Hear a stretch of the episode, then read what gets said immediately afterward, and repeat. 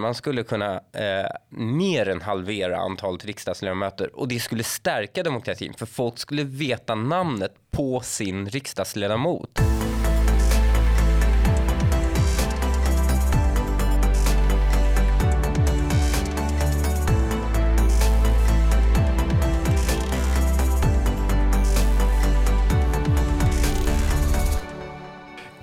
Hanif Bali är tidigare moderat riksdagsledamot och långvarig lokalpolitiker i Solna. Idag är lokalpolitiskt aktiv i Österåker, skriver krönikor i Expressen och har podcasten God ton med min kollega Per Lindgren. Till det kan tilläggas att Hanif denna vecka är vår stafettslöso, vilket vi är oerhört glada för. Och nu är han också gäst i vår podcast. Uppskattat. Varmt välkommen Hanif. Tack så mycket. Väldigt roligt att ha dig här. Eh, du har ju varit politiker i Solna eh, och har idag politiska uppdrag i Österåker dit du mm. flyttat nu och slagit ner bopålarna. Eh, det här är två kommuner som har utmärkts genom att ha ganska låga skatter, eller väldigt låga skatter och en bra servicenivå för medborgarna. händer det här när du flyttar till alla kommuner? Ja exakt, det är Hanif Bali-effekten. Ja. Nej men det är väl kanske snarare så att eh, Eh, effekten är den motsatta. Att jag trivs i sådana politiska församlingar där det, är, där det finns en sån effektfokuserad eh, eh, politisk eh, miljö helt enkelt. Att det, det är där jag, eh, jag funkar med både liksom de som styr där och jag trivs helt enkelt. Så, eh, så det är väl snarare en effekt av det, nämligen att det är någon form av eh, politisk klimat Um, som är ganska effektstyrd där man vill nå god effekt för skattepengar och då med det följer en helt annan politisk filosofi som mm. jag är lite mer attraherad av än att liksom, att det ska vara viktigt att signalera vissa värden. Alltså det, det, är lite annorlunda politisk kultur. Även inom ett parti, inom olika delar. Eh, det kan vara inom samma region till och med. Det kan vara två grannkommuner. Men att kulturen skiljer sig åt väldigt mycket. Så du kommer inte flytta till Botkyrka här i närtid? ja, men det beror på om jag vill eh, engagera mig i ett kriminellt politiskt nätverk. men eh, är det inte ganska vanligt annars i kommuner att man eh, upptäcker ett problem, alltså inte bara kommunalpolitik, alltså politik överhuvudtaget överhuvudtaget eller de som försöker påverka politiker mm. att här har vi ett problem. Hjälp oss att kasta pengar på det. Ja men det, det är oftast så man försöker lösa problem helt enkelt att eh, när, eh, och är ganska dålig på att prioritera. Det blir aldrig så så här, ah, okej okay, vi har ett problem här, vi måste satsa. Det kan ibland vara så att politiken måste satsa pengar på någonting. Det kan vara att det är brist på pennor och, och suddgum i, i klassrummen och att det behövs mer pengar. Mm. Men då ställer sig aldrig någon frågan, okej okay, vad ska vi skära ner på för att göra den här prioriteringen?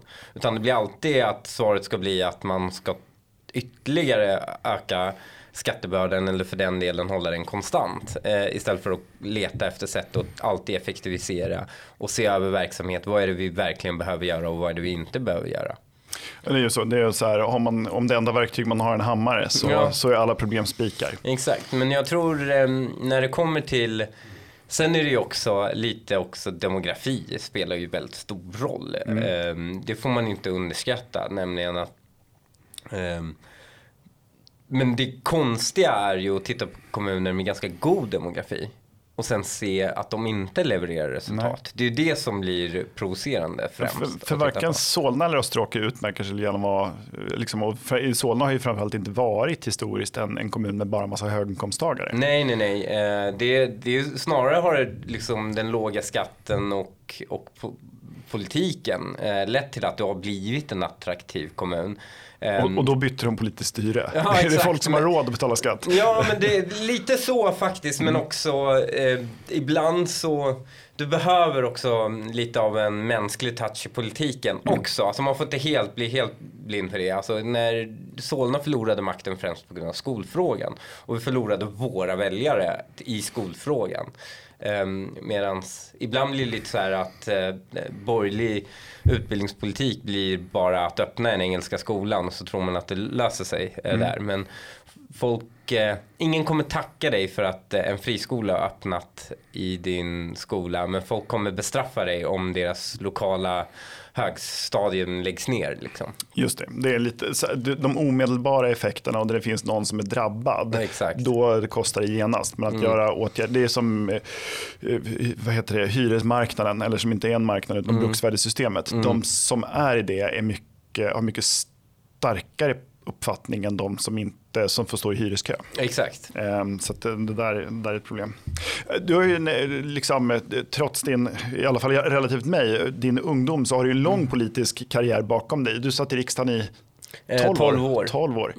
Eh, och blev ju där, alltså ibland är du känd lite som en sån här enfant terrible, men, men, men jag tycker kanske framför allt att du har utmärkt genom att vara ganska principfast och eh, torskade utskottsplatser när du vägrade gå med på, när du röstade för, eh, eller för, du konstaterade att eh, det, det hade begåtts ett folkmord. Nej men eh, ibland så eh, Ibland så har det varit bara, jag kommer aldrig kunna stå för det här. Nej. Eh, och det, det, det kanske inte har varit så mycket principer. Mer att eh, eh, och det, det, ibland, alltså jag har ju 100% så många gånger röstat för saker som jag egentligen inte kanske 100% håller med om. Nej. Det, Ja, och det måste man göra. Det, ibland måste man ju faktiskt göra det för att det är Ja. del av en kompromiss Exakt. eller for a greater good. Exakt. Och, men ibland är det också så här att eh, ja, men det här kan jag inte, jag kan verkligen inte stå för det här. jag kan inte sova på natten. eh, Nej, och då får man, och då, då får man rösta och så får man ta konsekvenserna Mm. också. Det har, jag har ju aldrig så att säga när eh, partiet har ringt och är sura och ska bestraffa en så är det aldrig så att jag har sagt emot. Utan jag bara sagt okej okay, it's part Punish of the me. punishment Mm. eh, så får jag ta det. Eh, Det är klokt. För det här med, vi har ju riksdagsledamöter som är, eh, i och för sig har ett mandat som är kopplat till dem personligen. Eh, men där det egentligen är så att det är partierna som väljer ut ledamöter. Det gör ju att visst du kan liksom dagen efter valet säga att du inte tänker stödja ditt partis politik men, och vara politiskt vilde. Men du kommer liksom inte bli omvald för det här är ju inte folket eller liksom, eh, som, som i huvudsak bestämmer utan det är partiet som fast, fastställer listor.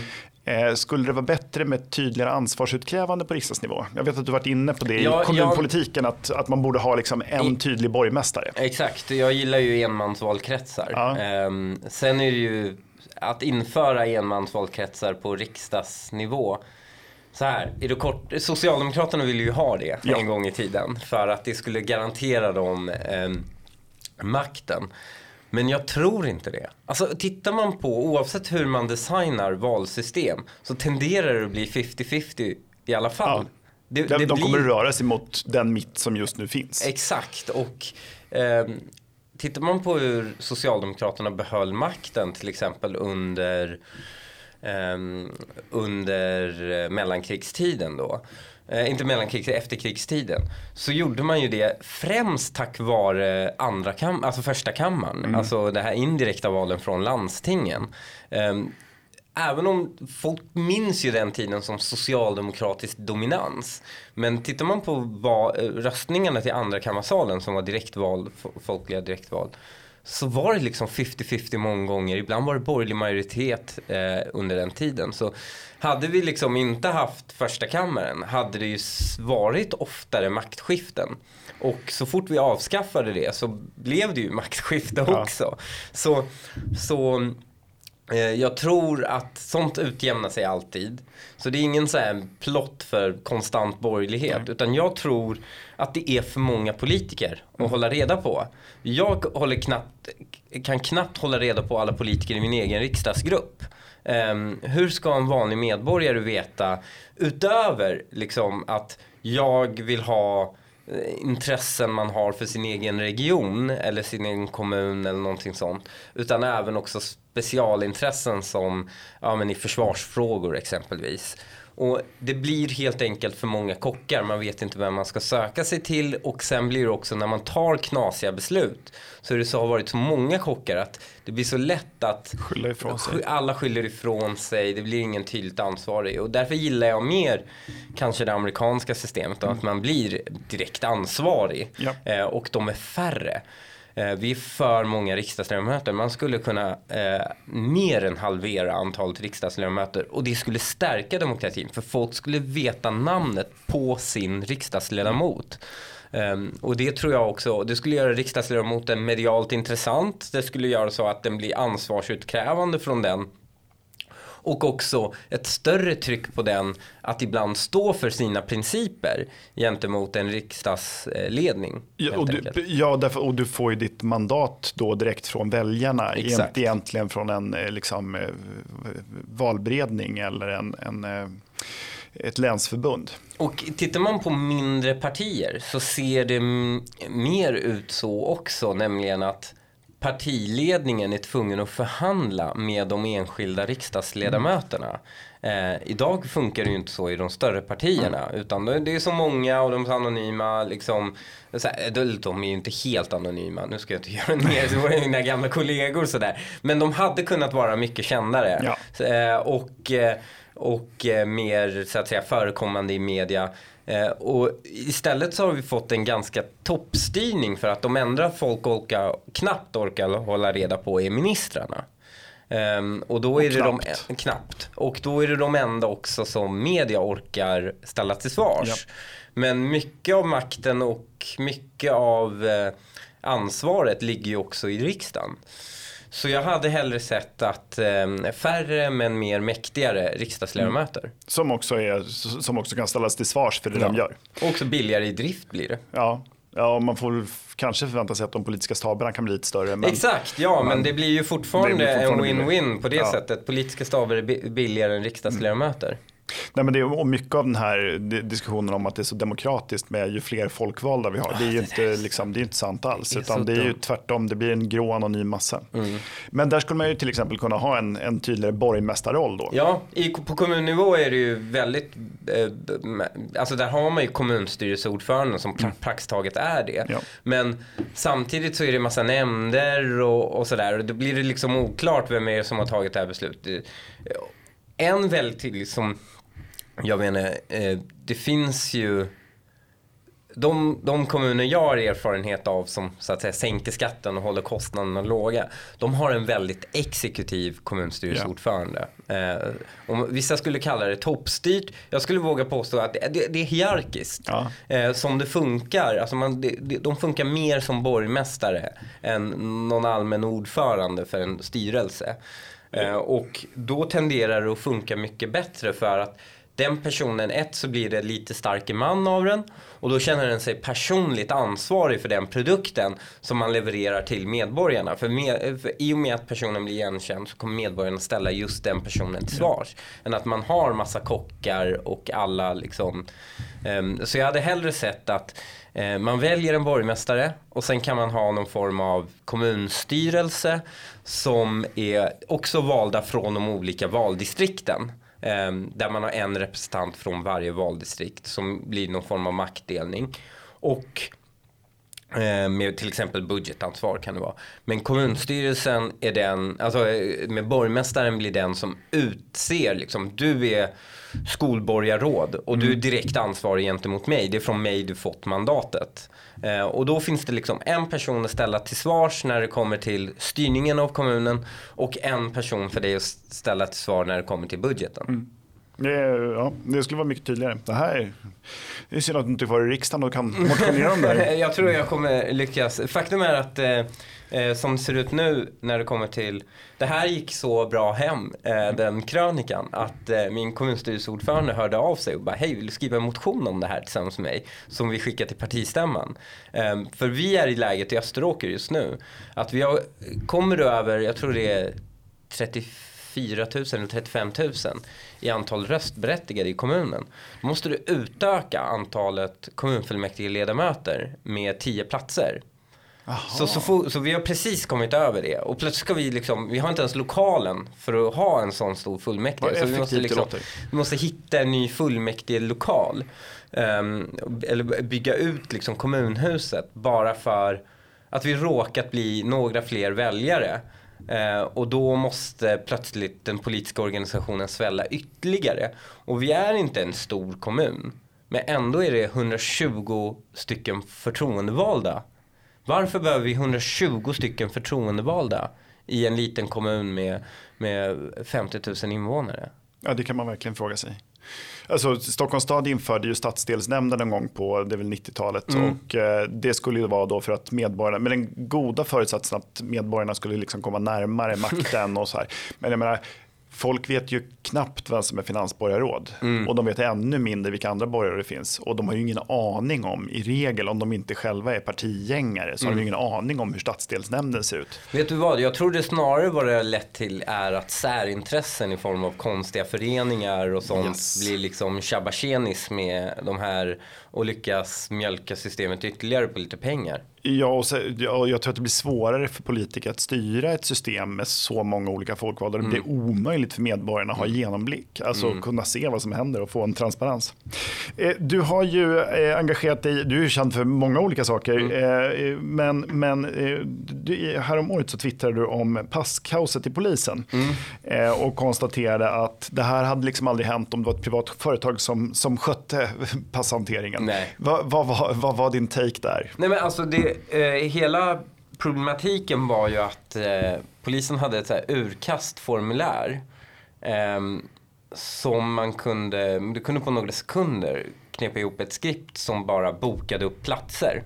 Och folk bokade upp platser som fan och sen eh, sålde dem. Mm. För att polisen kontrollerade sen inte vem det var som kom och ville söka om pass. Och det hade liksom aldrig skett på ett privat företag och sekunden man upptäcker att det utnyttjas så hade man ju täppt till det hålet. Medan för polisen tog det liksom ett år innan mm. man hade en sån här jag är inte en robotknapp. eh, eh, vilket så, så att säga är standardgrej i alla formulär. Eh, och, och jag vet, alltså, det är någonting med offentlig sektor och IT. Mm. Som är inte bara en svensk upplevelse utan allmänt överallt i hela västvärlden i alla fall. Jag vet inte hur det funkar i, i andra men där jag håller med ajour så är det någonting med offentlig sektor och IT där det bara blir pannkaka varje gång man ger sig på det. Jag misstänker att stelbenta upphandlingsregler och sånt där kan spela in Absolut. och att det är liksom klumpiga upphandlingar. Så vi har ju sett skolplattformen i Stockholms stad oh, som kostat en miljard och där eh, vi prisade jag förra året de som hade utvecklat alternativet som de knåpade ihop. Jag ska inte säga på en eftermiddag men det var inte. Nej men det, det tog inte så lång Och också eh, det är ganska spännande att se reaktionen från Um, alltså hur olika polit hur politiken reagerar annorlunda på, på det här. För man såg då ett privat öppet gratis alternativ som funkade bättre.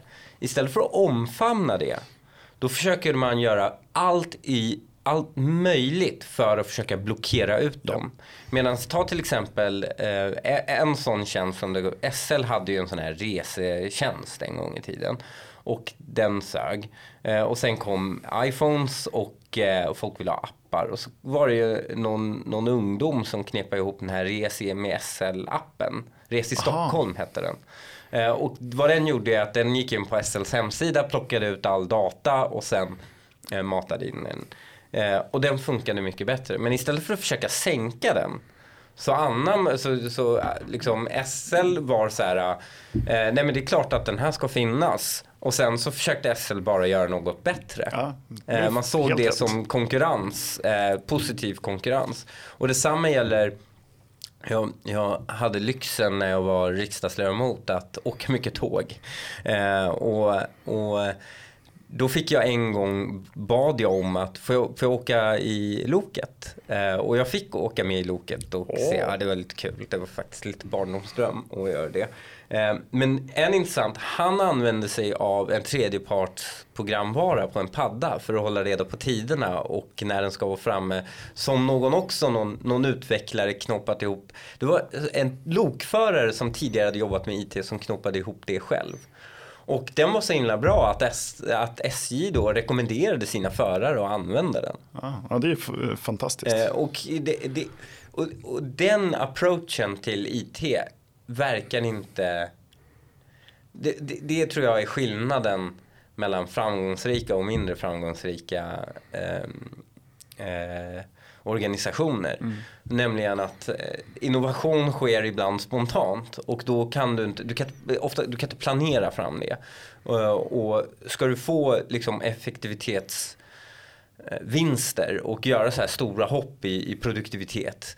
Ja, då måste du tillåta spontan eh, innovation. Medans det blir så jäkla dyrt. Alltså jag har så många. Arbetsförmedlingen skulle göra en sån här mm. sökjobb hemsida. Och de hade påbörjat det projektet innan jag kom in i riksdagen. Och sen så till slut så var de och rapporterade att ah, men det är inte på plats än men snart kommer det. För vi ville ha ut statistik till exempel. Ganska enkel statistik. Vi ville ha in statistik på hur många procent av alla de som får eh, lön eh, bidrag som oftast ger människor med funktionsnedsättningar när de jobbar. Hur många procent av dem är oförsäkrade? Och det är ganska lätt att kolla nämligen. Du tar ut personnumren på alla som är oförsäkrade och så jämför du med tabellen som, som man, de hade tillgång till, nämligen de som är försäkrade. Mm, mm. Och det, det, här borde ju gå på en kvart. Det var helt omöjligt för att deras system var alltså att man fyllde i en blankett, skannade den i pdf och sparade den i i det här. Och sen så sa de så här, men vi har ett nytt IT-system på gång, vi har, ett nytt, vi har en ny hemsida på gång, vi har en ny IT-resa på gång. Och till slut hade jag räknat ut att det tog längre tid för Arbetsförmedlingen att få upp sin hemsida, nya hemsida. Alltså att starta, upphandla och köpa in och lansera sin hemsida än vad det tog för Alan Turing att uppfinna datorn. eh, så, och, och liksom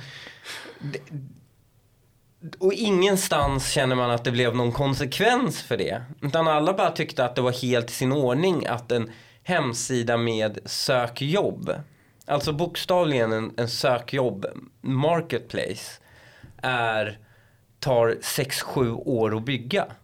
Nej, och kostar det finns ju heller ingen konkurrens. Alltså, det, var, det var väl få, få som reflekterade i Östtyskland om att det tog liksom, sju år att få en Trabant. Ja, men, alltså, men, just i det fallet så fanns det ju konkurrens. De privata rekryterarna som har så här, ja. Äh, liksom, de, du, du söker folk jobb så går man ju via dem nu för tiden. Ja. Ingen går ju in i Arbetsförmedlingens hemsida. De enda som finns på Arbetsförmedlingens hemsida är människor som inte vill ha jobb. Nej.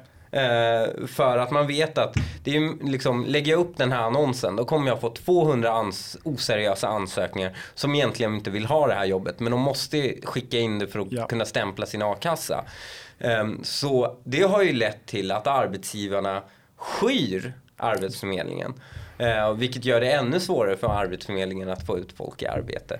Alltså, det, det, det, det, är inte optimalt. Nej, nej, det är inte optimalt och det är ett enormt skatteslöseri. Det är ju inte, det är inte få miljarder vi pumpar in i den eh, organisationen. Nej. Och jag misstänker att it-systemet inte heller var det billigaste man kunde tänka sig. Nej, gud nej. Det är i paritet med så att säga försvarssatsningar. Ja. JAS-plan. Men, eh, nej, men det, det, det, är helt, det är helt fascinerande. Vi har nyligen skrivit en, eller tagit fram en rapport, eller Stefan Fölster har skrivit en rapport mm. oss om eh, bristande digitalisering av offentlig sektor. Vi, Sverige är ju hyfsat och har framförallt varit ett hyfsat framstående land eh, IT-hänseende, men det gäller ju inte offentlig sektor. Men det, det här är ju konstiga för att vi har alla fundamenta för det. Vi har, ett så här, vi har en dröm, vi har ett nationellt liksom, offentligt eh, personuppgiftsregister som man kan verifiera folk. Vi har typ 100% penetration av bank-id. Eh, vi har en otroligt IT-kunnig befolkning. Alla har en smartphone. Det är liksom... Allt borde all, kunna gå så lätt. Allt fundamenta finns där. Men ändå så är det liksom eh, i stora delar fortfarande blankett-Sverige som gäller. Ja, ja, nej, alltså, jag pratade med Kajsa Dovstad som, som är välfärdspolitisk handläggare på Timbro och hon konstaterade som läkare att hon får fylla i liksom samma journaluppgift i sju olika, liksom på sju olika ställen. Det är helt vansinnigt.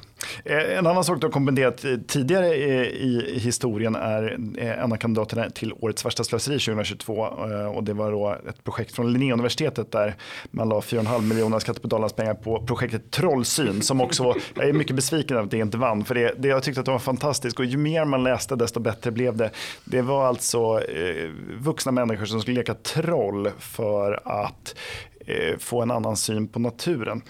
Eh, och då skrev du så här, vi måste införa en beredskapsskatt för att finansiera statens kärnfunktioner för för all annan skatt går åt till sånt här. Mm. Eh, vill du, vad säger du om den? Ja, men det var ju som ett svar på att Socialdemokraterna försökte höja skatten i, i för, förra året för, ja, efter kriget i Ukraina så började man prata om en nu, beredskapsskatt. Nu har vi nya behov. Nu har vi nya behov.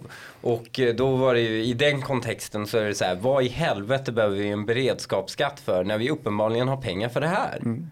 Eh, och det märkliga är att också, alltså forskningen bör vara fri och allt sånt.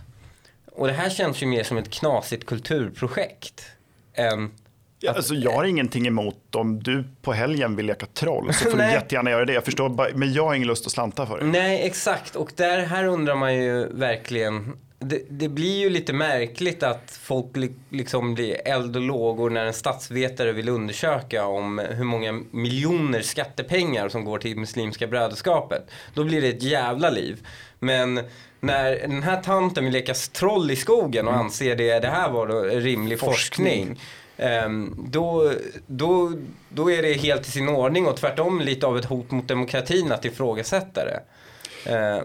Ja, ett, ett hot mot den fria forskningen. För jag mm. måste säga att eh, en del av akademins liksom förhållningssättet till forskningen det är att det ska kunna vara reproducerbart mm. eh, och att man ska kunna liksom utvärdera det här på ett vettigt sätt. Jag förstår inte hur något av det här ska gå till. Mm.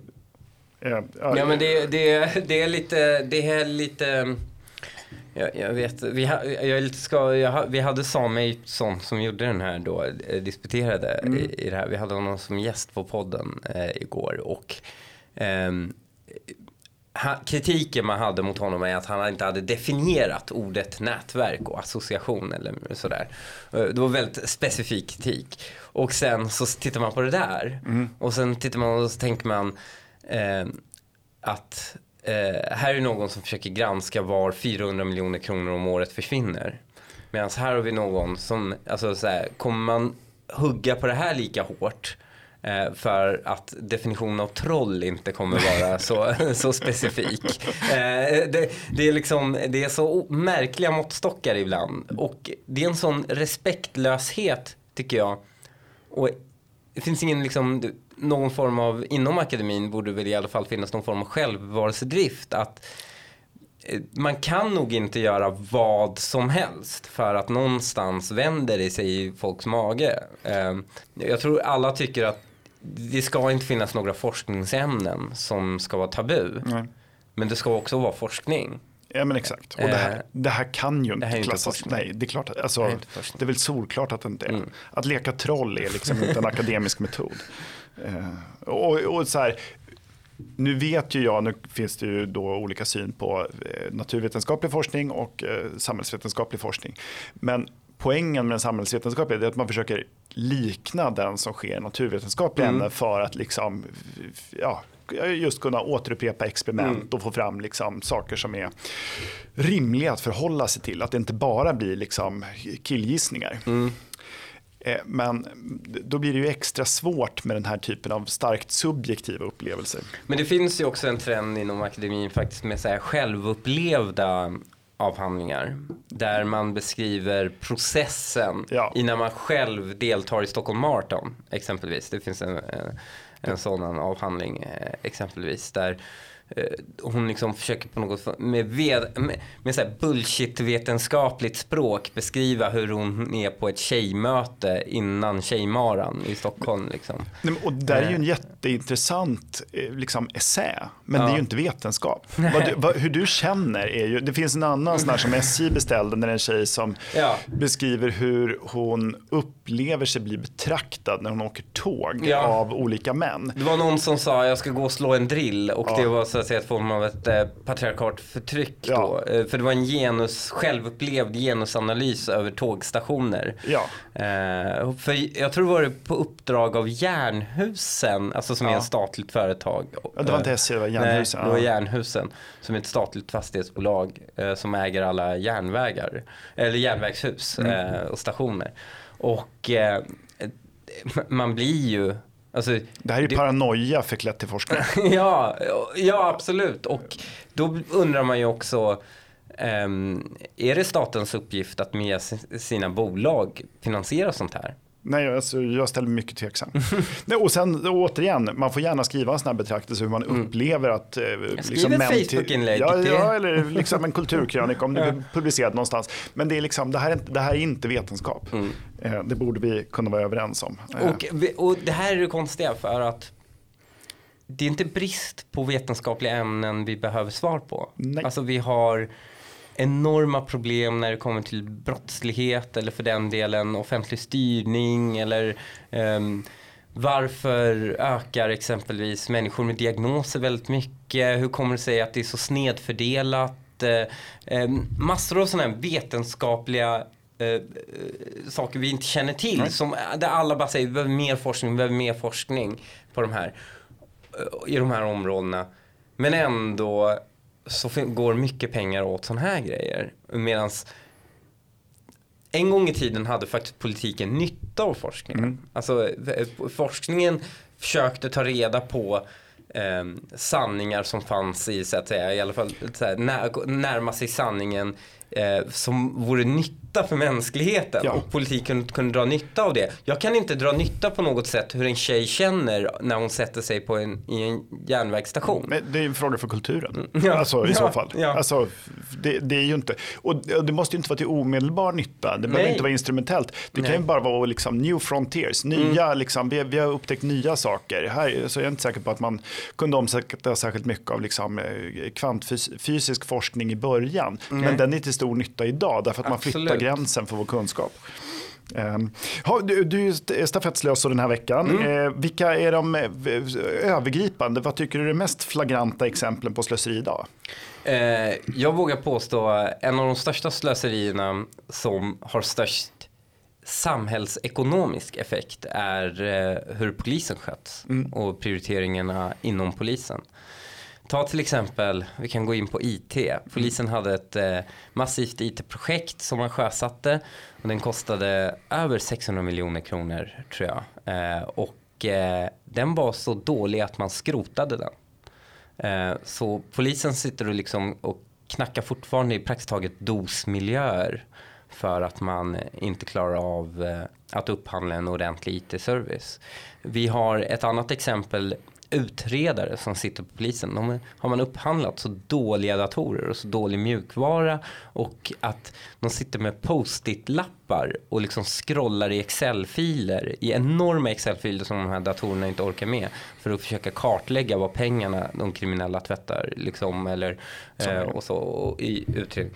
Och eh, så det är ju liksom och effekten av att man inte åker dit på brott är så himla mycket dyrare än vad, än vad den direkta kostnaden av, det är ju så att säga miljardtals pengar som mm. vaskas, men den, den samhällsmässiga effekten av att företag praktiskt taget tycker att det är helt eh, omöjligt att komma åt snatteri att man nu eh, liksom behöver låsa in kött bakom eh, eh ja, på, liksom på lås, Konsum, ja. ja. på Ica och Konsum. Eh, att företag inte längre kan ställa sina maskiner eh, eller liksom lastbilar och sånt på, på byggarbetsplatser utan att de blir bestulna. Och, och allmänt den samhällsekonomiska förlusten på att bostadsvärdena totalt kraschar i vissa områden mm. för att polisen inte klarar av att utreda brott. Um, det är ju mer än miljarder. Mm. Alltså vi pratar förmodligen hundratals miljarder i kostnader. Ja, att de gör dåliga it-upphandlingar kostar pengar. Ja. Att personalen inte kan jobba effektivt kostar pengar. Men mm. den riktigt stora kostnaden blir de samhällsekonomiska konsekvenserna. Det här är någonting vi, jag är för privatisering i nästan alla fall. Men just polisen är jag rätt säker på att vi inte ska privatisera.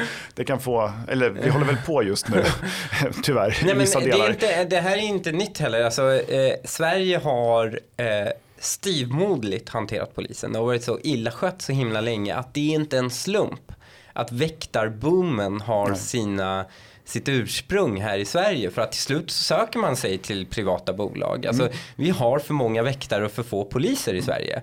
Eh, det, det, är den enkla slutsatsen att dra. Det, det är liksom det privata bolag, alltså tar den, den samhällsekonomiska, inte bara privata bolag, kommuner. Ja. Alltså blir tvungna att betala dubbelt. Alltså, och skattebetalarna i slutändan ja. och konsumenterna blir tvungna att betala. Ett så betalar man till polisen eh, via skattesedeln. Sen går man och betalar till, också till de, de väktarna. Eh, av, när ICA är tvungen att ha väktare då, då är det självklart att det kommer de ta ut av kunden. Mm. Och detsamma när det kommer till eh, när kommunen måste ha väktare som patrullerar torget. Eh, och det kommer de också ta ut av, av, av skattebetalarna. Så det blir liksom dub, en dubbelbestraffning mm. av den laglydiga medborgaren, eller en trippelbestraffning. Delvis blir den utsatt för brott och för det andra så blir den tvungen att finansiera liksom samma sak flera, samma gånger. Sak flera gånger och till ingen effekt också. Ja. Och jag misstänker att det inte är en quick fix, men, men vad behöver vi göra? Nej, men, eh, delvis måste polisen prioritera. Och en annan sak jag tycker är ett stort slöseri är faktiskt eh, den svenska polisens eh, eh, när det kommer till antal mantimmar man ligger på ringa narkotikabrott. Mm. Det är ett enormt slöseri. Eh, man, för man vet att det ger noll effekt på konsumtionen. Det vet man. Eh, men ändå fortsätter man med det. Därutöver så ger det noll effekt på den grova brottsligheten, vilket är det som har de stora samhälleliga effekterna. Ehm, och de, de mantimmarna man lägger på det är en substantiell andel av polisens verksamhet. Alltså det finns utredningar som visar mellan liksom Eh, upp till en fjärdedel liksom, eh, av, av polisverksamheten, som, eh, vissa delar av polisverksamheten som går åt det här. Och det är ju ren pinjakt. Alltså tittar man, på Sverige är det landet i hela EU som har eh, eh, i, an, i både andel och ibland till och med i antal eh, högst eh, andel som fälls för narkotikabrott. Och ändå är vi det land också i EU som har störst problem med den organiserade brottsligheten. Så uppenbarligen lägger polisen fokus allt för mycket på att, att liksom, eh, jaga konsumenter istället för att försöka komma åt det här. Och det är ju inte bara polisens fel. Utan det är ju lagstiftarens mm. fel. Lagstiftaren har en vision om ett narkotikafritt samhälle och tror att den visionen går att nå genom att vi skickar ut så mycket böter som möjligt till, till, eh, till oftast missbrukare eh, eller människor som är socialt utsatta. För det här är det märkliga för att när man mäter, man vill ju rimligtvis tro att benägenheten att åka dit för ett brott ska vara lika hög oavsett vilken samhällsklass du tillhör. Och det vi, vi har ju äntligen fått tag på lite reell data på vilka som konsumerar droger. Och det man kan se är att med undantag för missbrukarna som är nolltaxerare, mm. för de tjänar inte pengar. Om du rensar bort dem så är det helt jämnt över samhällsklasserna. Medan alla de som åker dit för ringa är nästan bara de med lägre inkomster. Mm. Och det är också pengar oftast man inte får in för att de inte har några pengar. Nej. Så det är inte ens en plusaffär i det. Och det leder ju också till, alltså det, det hindrar inte en pundare att gå och punda mer Nej. bara för att den får ett nar ringa narkotikabrott eh, på sig. Så det går åt enormt mycket resurser åt det här. Jag tror, och det här är kanske lite konstigt, ni kommer ha den första slöson som propagerar för mer beskattning. Mm. För att jag tror att det är mycket rimligare att eh, eh, att beskatta narkotika mm. istället. Eller i alla fall cannabisen som är den absolut största omsättningen. För det skulle ett plocka in massor av miljarder kronor till statskassan samtidigt som den har väldigt mycket positiva samhällseffekter i form av att polisen kan prioritera i sin eh, polisutövning. Och, och, inte lägga så mycket mankraft på det här. Så då, delvis att man får in mycket mer skattepengar delvis att man dräng, alltså dränerar de eh, gängen på en extremt mycket stor andel av deras eh, ekonomi. Och folk brukar ju ofta säga så här, ja men de kommer bara syssla med annat. Men om det är så att de bara kommer syssla med annat istället för att sälja gräs, då borde ju polisen ge medalj till de som köper då eh, cannabis. För att de hindrar ju uppenbarligen de, de göra, ännu värre, göra ännu värre saker. Och vi vet att det är inte sant. Ju mer svarta pengar går in i den, de här nätverken desto mer kommer de börja korrumpera, förstöra och ge sig på andra verksamheter. Alltså, eh, om Al-Qaida halverar, om deras budget halveras så är det ingen som tänker nej men då kommer de ju bara göra ännu värre grejer. Eh, utan vi kommer veta att det är bra att strypa finansieringen till Al-Qaida. Och varför gäller det inte Vårbynätverket? Mm. Alltså vi vet att det är bra att halvera Vårbynätverkets eh, inkomster. Och, och, det tror jag kommer leda till att ett, polisen kommer frigöra mer resurser och kunna, kunna komma åt brottslighet mycket tydligare, bättre. Men också att den, vi kommer få skatteintäkter och sen kommer den samhällsekonomiska effekten av att polisen blir mer effektiv kommer också vara positiv. Så det tror jag är ett stort slöseri mm. eh, vi har i Sverige. Sverige. Och då finns det ju vissa som bara, men om vi tar bara ännu hårdare tag. Och då ska vi ge, sätta det i proportion lite. Vi har 5000 anstaltsplatser i Sverige. Då, om vi inte skulle ge böter utan skulle ge, låt oss säga sex månader fängelse för det här istället. Så pratar vi om året så bötfälls ungefär 30-40 000 personer. För inga narkotikabrott? För inga narkotikabrott. Och då, om de här skulle sitta inne så skulle det ju bara, alltså ett skulle vi behöva tiodubbla antalet anstaltsplatser. Och sen skulle inte de jobba när de sitter på kåken heller? Nej, det skulle de nog inte göra. För de flesta av de här är ju fullt fungerande mm. medborgare som är ute och jobbar och betalar skatt. Alltså vissa blir till och med statsministrar och mm. partiledare för socialdemokrater och, och sådana här saker. Ehm, eh, och och att istället, det är ju inte bara det att de åker dit och, och många av de här är inte kriminellt lagda. Nämligen de sysslar inte med brottslighet i, I övrigt. I övrigt och som, som också drabbar enskilda personer. Så det man gör är att man skickar dem till finkan om man skulle göra det. Ett skulle det vara i anstalter vi inte har. Så vi skulle behöva liksom massivt bygga ut våra anstaltsplatser. Börja med att abonnera Globen. Mm.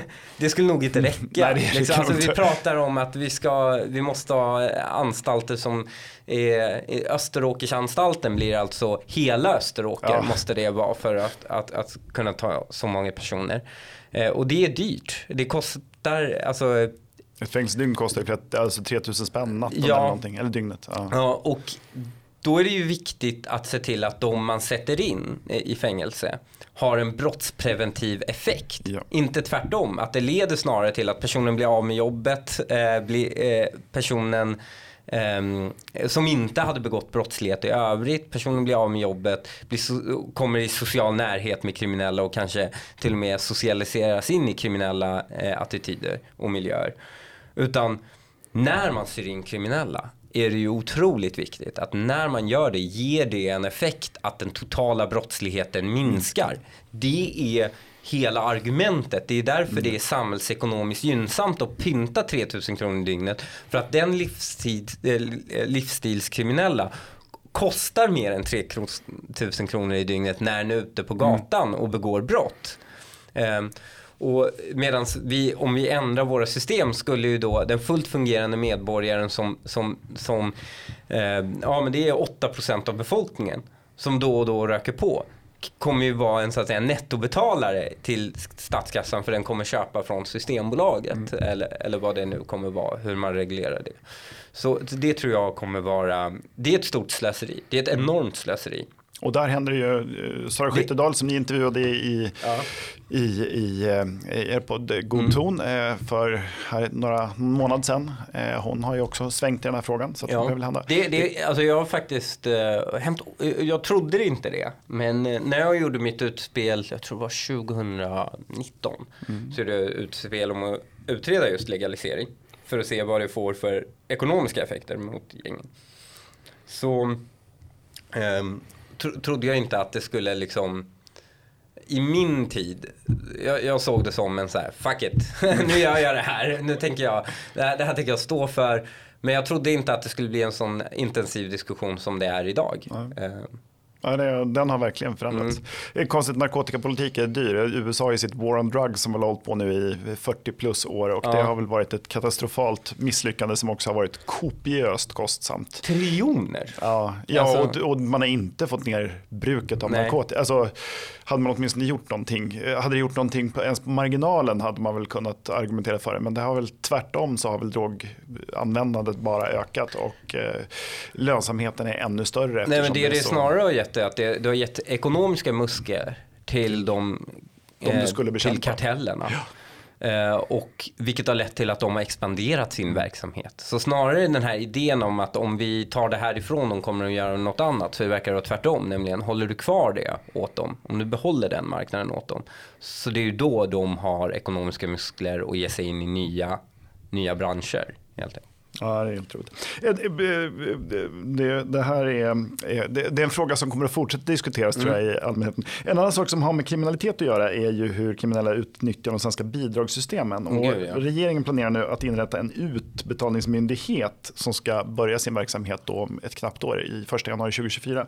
Eh, kommer det här minska skatteslöseri tror du? Um, det beror på hur de gör det. Alltså, Försäkringskassan har ju sagt att de de har ju börjat utreda. Det gjorde man inte i lika stor utsträckning tidigare. Och det de har upptäckt är att eh, bidragsbrott är ett upptäcktsbrott. Nämligen att man måste utreda det för att upptäcka det. Mm. Det kommer inte upptäckas av sig själv eller dyka upp eller någonting sånt. Och det de märkt är att oavsett var de tittar, ju mer de tittar desto fler hittar de. Det är inte så att deras nuvarande system fångar upp eh, en viss procentandel eller något sånt. Utan det är bara att de inte har tittat tillräckligt noga. Och det, det, sen finns det ju också en annan fråga som är ganska hemsk. Men det är om fusket är så pass stort att man då måste bygga kontrollmekanismer för att upptäcka fusket. Till slut kommer man ju fråga sig, är kontrollmekanismen dyrare än att ha ett annat system? Mm. överhuvudtaget. Är det ens lönsamt att ha det här bidraget jämfört med att folk får försäkra sig själva eller något sånt?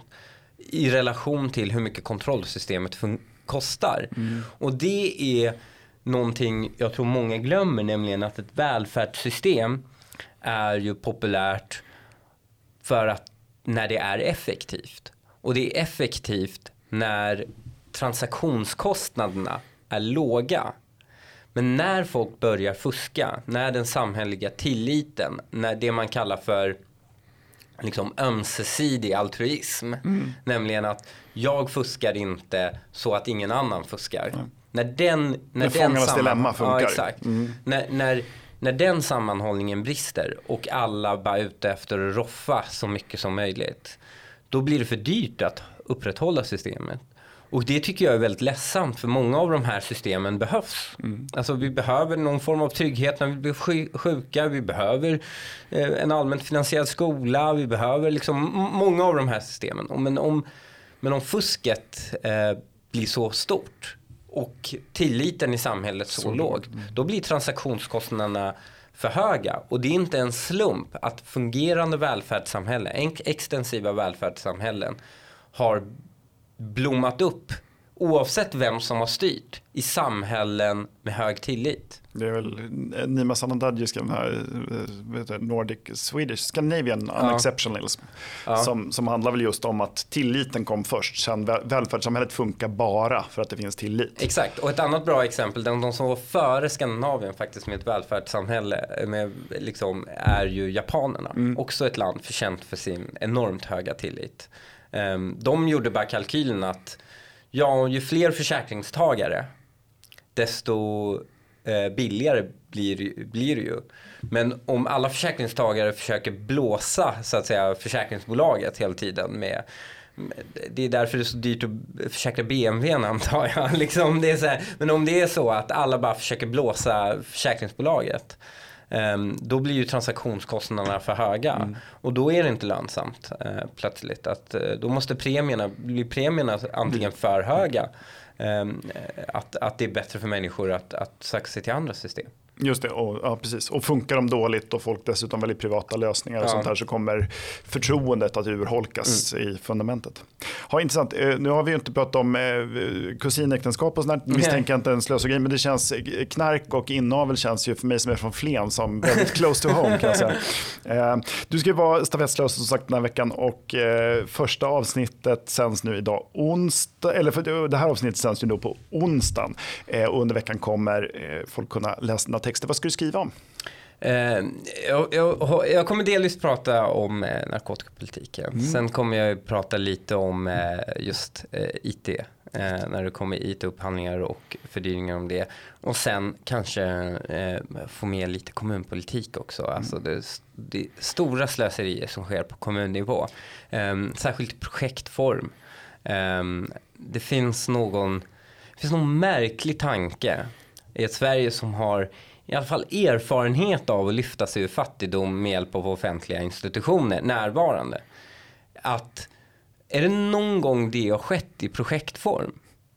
Jag är tveksam. Eh, jag är väldigt tveksam. Utan Eh, det, oftast har det ju varit så här, institutionella förändringar, förändringar i, i lagstiftning, i, i, långsiktiga investeringar och, och, och sådana här saker som, som påverkar ett lands tillväxt och fattigdomsnivåer.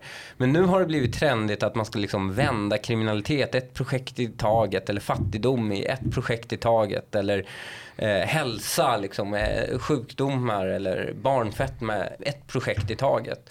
Och de här projekten, förutom att de är väldigt tvivelaktiga i sin eh, eh, de är ju väldigt tvivelaktiga i effekten nämligen. Så är det ju också, de är oftast för små för att kunna utvärdera på ett effektivt sätt. Nämligen ett, det är för litet underlag oftast, så man kan inte på ett vetenskapligt rimligt sätt att, uh, utvärdera det. I och för sig beror det på vad definitionen av vetenskap är. Mm. Om vi har definitionen att vetenskap är också att leka troll i skogen mm. så, så går det säkert Anything att göra det. men, men om man försöker dra några generella slutsatser eller någonting så är det ju väldigt svårt att göra det med en enkätundersökning. För det är också max det vad de har råd med. Ja. De här kommunerna. Men är det inte, liksom, som är ganska vanlig i, säkert i privat sektor också, men framförallt i offentlig sektor. This is a problem, therefore we gotta do something. Mm. This is something, therefore we do it. Ja. Alltså, man vet inte riktigt vad man ska ta till. Man ser ett problem, man har inte verktygen eller man vet inte hur man ska lösa det. Då gör man bara någonting. Men det finns också det finns en, ett problem, nämligen EU.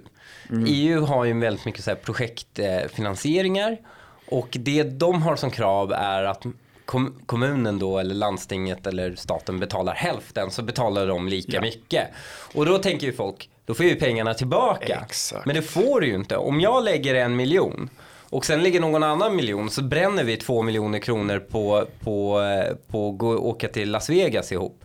Då är det inte så att jag ligger plus en miljon för att du har lagt in en miljon. Utan vi båda ligger minus en ja. miljon var. Ja. Eh, och, och det är, pengar försvinner väldigt mycket via de här liksom, eh, projektbidragen. Alltså, om det är någonting man ska projektfinansiera, då är det kanske forskning och utvärderingar. Ja det, där finns det en rimlighet att göra det. Alldeles oavsett, oavsett om det finns fler olika finansiärer eller om du får göra det själv. Exakt, och där finns det en rimlighet. Men att kommunen gör eh, helt outvärderbara satsningar i projektform går det ju enormt mycket pengar åt. Alltså både på regional nivå och kommunal nivå. Ja, spännande. Det är roligt att läsa dig den här mm. veckan och roligt att ha dig här som gäst. Stort tack för också för att du är stafettslösare den här veckan. Väldigt roligt och uppskattat då ska vi säga som lite Göteborgshumor. tack för att du kom hit idag Hanvi. Stort tack. Tack. Eh, uppskattat. Det är en podcast från Skattebetalarnas förening. Vi arbetar för låga och rättvisa skatter, rättssäkerhet för skattskyldiga och minskat slöseri med skattepengar. Vi bildar opinion och folkbildar i skattefrågan och vi lever som vi lär och tar bara emot frivilliga bidrag. Uppskattar du podden så kan du gärna ge oss ett gott betyg i en app och vill du medverka till att Sverige blir ett land med minskat slöseri och rimligare skatter så stödjer du oss enklast genom att bli medlem. Läs mer och bli medlem på www.skattebetalarna.se bli medlem. Till nästa vecka, ha det så bra.